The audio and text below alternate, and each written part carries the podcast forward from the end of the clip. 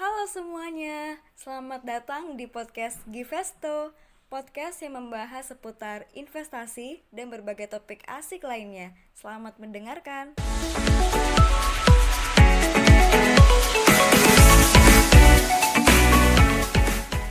Halo Sobat Invest, gimana nih kabarnya? Baik-baik aja kan? Akhirnya kita bisa berjumpa lagi di podcast Givesto Bersama dengan aku Nabila yang akan membahas suatu topik menarik di podcast kita kali ini. Podcast kali ini aku ditemenin sama salah satu fungsionaris Galeri Investasi Visip UPN Veteran Jawa Timur dan dia telah memiliki pengalaman yang cukup lama di bidang investasi saham yaitu ada Kak Nila. Kita sapa yuk. Halo Kak Nila, apa kabar? Alhamdulillah kabarnya baik. Uh, halo semuanya, kalau Kak Nabila sendiri apa kabar? Alhamdulillah, aku juga baik Kak Nila. Semoga teman-teman atau sobat invest di luar sana baik-baik juga ya. Oke Kak Nila, kita kan temanya hari ini membahas tentang investasi tipu-tipu dan investasi yang aman. Mungkin Kanila pernah nih ketemu sama investor yang pernah kena investasi tipu-tipu Betul, sering terjadi investasi bodong atau tipu-tipu. Sebelum memutuskan investasi, sebaiknya kita cari tahu dulu mengenai legalitas perusahaan. Nah, penting juga nggak sih kak kalau kita harus memberikan edukasi karena sekarang kan banyak banget ya orang yang ingin investasi tapi masih takut untuk memulai. Iya, sangat penting karena kalau kita tidak berani mencoba, maka dari mana kita bisa memiliki pengalaman sekaligus pengetahuan berinvestasi. Jangan ragu, coba nih kalian kenalin diri sendiri. Kalian tuh tipe investor yang mana nih? Misalkan, oh aku tuh nggak mau yang resikonya tinggi-tinggi atau kalian berniatnya itu investasi untuk jangka panjang.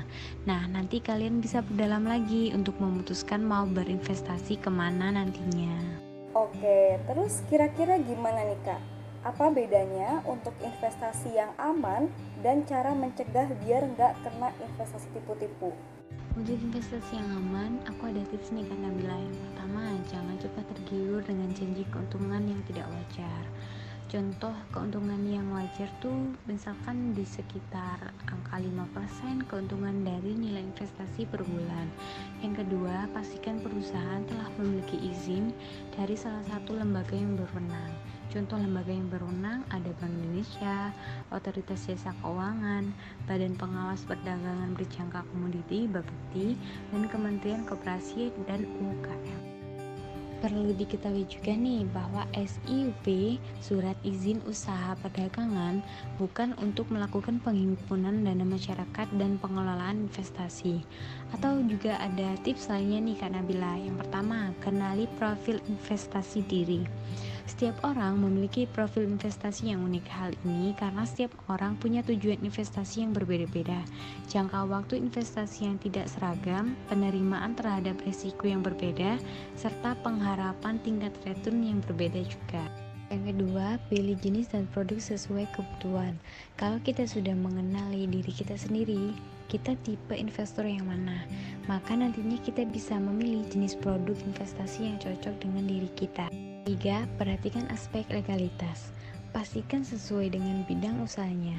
Setelah paham akan jenis produk investasi yang dibutuhkan, maka pada waktu akan membeli produk investasi harus dipastikan apakah lembaga yang menjual atau menawarkan produk tersebut telah memiliki izin usaha yang sesuai dengan bidang usahanya. Keempat, pahami siapa regulatornya. Pahami siapa regulator yang mengawasi perusahaan yang menjual dan menawarkan produk investasi. Hal ini dilakukan untuk berjaga-jaga jika suatu terjadi di masa yang akan datang. Yang kelima, baca dengan seksama ketentuan yang berkaitan dengan produk. Hal ini diperlukan untuk memastikan bahwa konsumen memahami secara lengkap hak dan kewajibannya, manfaat, biaya, dan risiko yang berkaitan dengan produk. Gimana nih jika dapat tawaran investasi berjangka atau komoditi? Nah, harusnya perusahaan tersebut sudah terdaftar di Bapeti. Namun, kalau kalian searching nama perusahaan tapi tidak ditemukan, maka tidak ada jaminan bahwa investasi tersebut merupakan investasi yang legal. Oh, begitu. Terus kalau misalnya masih bingung, itu kira-kira gimana ya, Kak? Kalau masih ragu atau bingung, masyarakat bisa menanyakan langsung ke kontak regulator terkait seperti menelpon otoritas jasa keuangan. Kemudian juga bisa cek perizinan melalui website OJK atau menghubungi hotline OJK dengan nomor 1500655 atau email waspadainvestasi.ojk.go.id.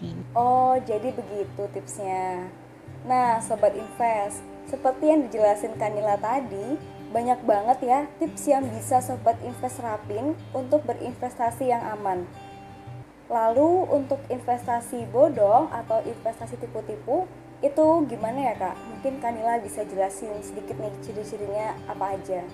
Ciri-ciri dan cara menghindari investasi bodong selain cek perizinan, Biasanya, keuntungan yang ditawarkan terlalu besar dan cenderung tidak masuk akal. Sebaiknya, kalian bisa tanya dulu bagaimana alur bisnisnya sampai bisa mencapai nominal keuntungan tersebut. Memang, return yang besar terdengar menggiurkan, tapi kalian harus bisa mengendalikan diri agar tidak terjerat investasi bodong. Lalu kalian bisa tanyakan bagaimana perusahaan menjalankan investasi. Jangan terburu-buru setuju untuk berinvestasi saat perusahaan melakukan penawaran. Coba balik bertanya, bagaimana sistem kerja perusahaan dalam menjalankan investasinya. Kalau mereka terkesan menutupi dan tidak ingin transparan, maka sebaiknya kalian jangan berinvestasi. Tidak perlu malu dan merasa ketinggalan zaman karena saat ini perbincangan soal investasi sangat sering terdengar, terutama di kalangan anak muda. Beberapa orang kemudian merasa takut tertinggalan zaman atau FOMO, fear of missing out. Seolah-olah bagi yang belum berinvestasi artinya belum melek keuangan dan kurang memikirkan masa depan.